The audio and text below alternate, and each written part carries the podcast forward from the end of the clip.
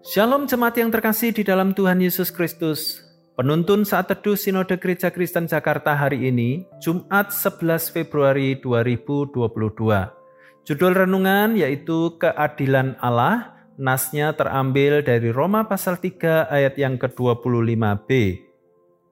Hal ini dibuatnya untuk menunjukkan keadilannya karena ia telah membiarkan dosa-dosa yang telah terjadi dahulu pada masa kesabarannya. Wati membawa adiknya jalan-jalan karena kurang hati-hati adiknya pun jatuh. Kakinya luka dan terkilir, ia diomeli oleh ibunya. Ia sangat kesal karena itu ia kabur dari rumahnya dan menginap di rumah bibinya. Ia menceritakan kepada bibinya bahwa ibunya tak adil memperlakukannya. Selang beberapa hari, ayahnya pun menjemputnya dan ayahnya menceritakan kesedihan ibunya selepas kepergiannya. Setiap malam ketika ibunya menyelimuti dan mencium saudara-saudaranya yang sebelum tidur, selalu menangis teringat kepada Wati.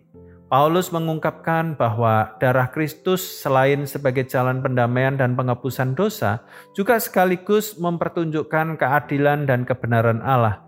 Mengapa Paulus berusaha memberi penekanan pada keadilan Allah?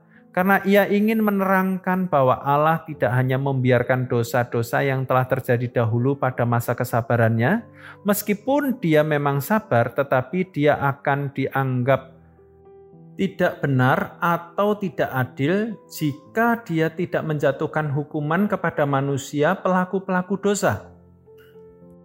Artinya, mesti ada yang dihukum untuk memuaskan keadilan Allah oleh karena itu, Allah yang penuh kasih, adil, berhikmat, dan berdaulat telah menentukan anaknya, yaitu Kristus Yesus sebagai jalan keluar satu-satunya bagi pengampunan dan pendamaian atas keberdosaan manusia. Hanya melalui pengorbanan darah Kristus Yesus, murka Allah dapat disurutkan.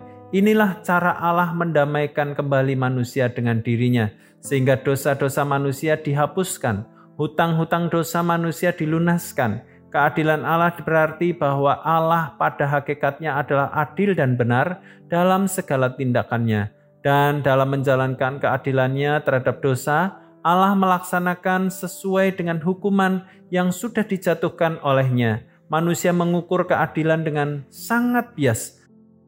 Manusia menjatuhkan hukuman agar segala sesuatu menjadi setimpal. Semakin subjektif sebuah kasus, terutama berkaitan dengan dirinya, maka manusia mengharapkan pembalasan yang seberat-beratnya sebagai cara untuk pemuasan pada dirinya. Sebaliknya, keadilan Allah berkaitan dengan karakter Allah yang adil dan benar. Karena kasih dan keadilannya, maka ia sabar dan menerima kita kembali. Allah yang adil telah menjatuhkan hukuman manusia ke atas diri Kristus Yesus, karena hanya Kristus Yesus yang sanggup memenuhi tuntutan Allah bagi pengampunan dosa-dosa manusia. Selamat beraktivitas, Tuhan Yesus memberkati.